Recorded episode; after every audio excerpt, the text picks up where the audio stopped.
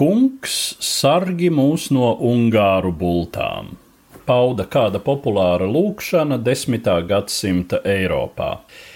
Tagadējo ungāru senči, maģāru ciltis, ieradās Eiropā no Volgas baseina un 9. un 10. gadsimtu mijā apmetās Pannonijas līdzenumā, kur arī mūsdienās atrodas Ungārijas valsts. Kā jau stepju klejotāju tauta, maģāri bija lieliski jātnieki, un Pannonija kļuva par bāzi viņu sirojumiem visā Eiropā. Tobrīd nevienai Eiropas tautai nebija kavalērijas, kas spētu sacensties ar maģāriem, kuri reizēm salīga par karakalpiem pie kāda no kristīgajiem valdniekiem, bet lielākoties vienkārši siroja, laupīdami un postīdami. Vienīgais glābiņš bija atpirkties, maksājot viņiem ikgadējus meslus. 10. gadsimta pirmajās desmitgadēs maksāja vairums maģāru kaimiņu, gan Bizantijas imperatori, gan vācu hercogi un grāfi. Lai maksājumu plūsma neapsīktu, maģāri laiku pa laikam devās jaunos sirojumos, savu straujo zirgu mugurā aizauļodami līdz pat Itālijas dienvidu galam, Spānijai un Dāņu robežām ziemeļos. Pirmās maģāru sirotāju ceļā uz rietumiem atradās Vācu zemes, kuras toreiz vēl dēvēja par Austrumu Frankiju un vācu valdnieki bija pirmie, kas centās pretoties laupīt kārajiem kaimiņiem, sākumā gan ciesdami vienu sakāvi pēc otras. 910.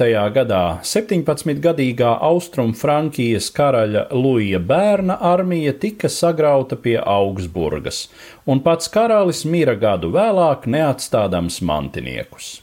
Par jauno karali kļuva Saksijas hercogs Heinrichs, iegūdams pavārdu putnķērājs, jo būdams kaislīgs mednieks, bija aizņemts ar savu putnu ķeramo tīklu pārlūkošanu, kad pie viņa ieradās delegācija, lai pasniegtu karaļa kroni.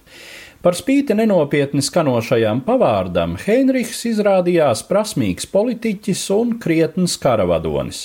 Tomēr arī viņam sākotnēji neizdevās pieveikt maģārus, kad tie 924. gadā iebruka Saksijā. Viņam paveicās vien tai ziņā, ka gūstā krita viens no maģāru vadoņiem, un par gūstekņa izdošanu vācu karalim izdevās izkaulēt pamieru uz deviņiem gadiem ar ikgadējiem meslu maksājumiem. Heinrichs šo laiku izmantoja lietderīgi, likdams būvēt jaunas nocietinātas pilis un ieviesdams zemnieku milicijas kara klausības sistēmu. Zemnieki tika organizēti deviņu cilvēku grupās, no kurām viens pārmaiņus atradās valdnieka dienestā, bet kara gadījumā visi deviņi bija gatavi ņemt rokā ieročus. Savukārt armijas triecienu spēku bija jāveido smagajai kavalērijai, bruņiniekiem. Veicis šādus priekšdarbus, Heinrichs 932. gadā pārtrauca meslu maksājumus, un maģāru sūtņiem nosvieda pie kājām sprāgušu suni.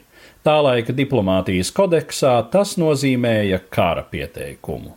Jau nākamajā gadā maģāri atkal iebruka vācu zemēs, un abas armijas sastapās kaut kur Tīringijas ziemeļdaļā pie Unstrutas upes 933. gada 15. martā. Heinricha smagās kavalērijas trieciens ātrajiem maģāru jātniekiem varēja būt sekmīgs vien tad, ja tas būtu spējš un negaidīts. Tāpēc pirmos karalis cīņā sūtīja vieglāk bruņotos jātniekus un kājniekus. Kad maģāri bija iesaistījušies kaujā, nāca vācu smagās kavalērijas trieciens, kas burtiski izsvaidīja pārsteigtos maģārus uz visām pusēm. Heinricha karaspēks svinēja uzvaru un sajūsmināts sumināja savu vadoni kā vācu ķeizaru.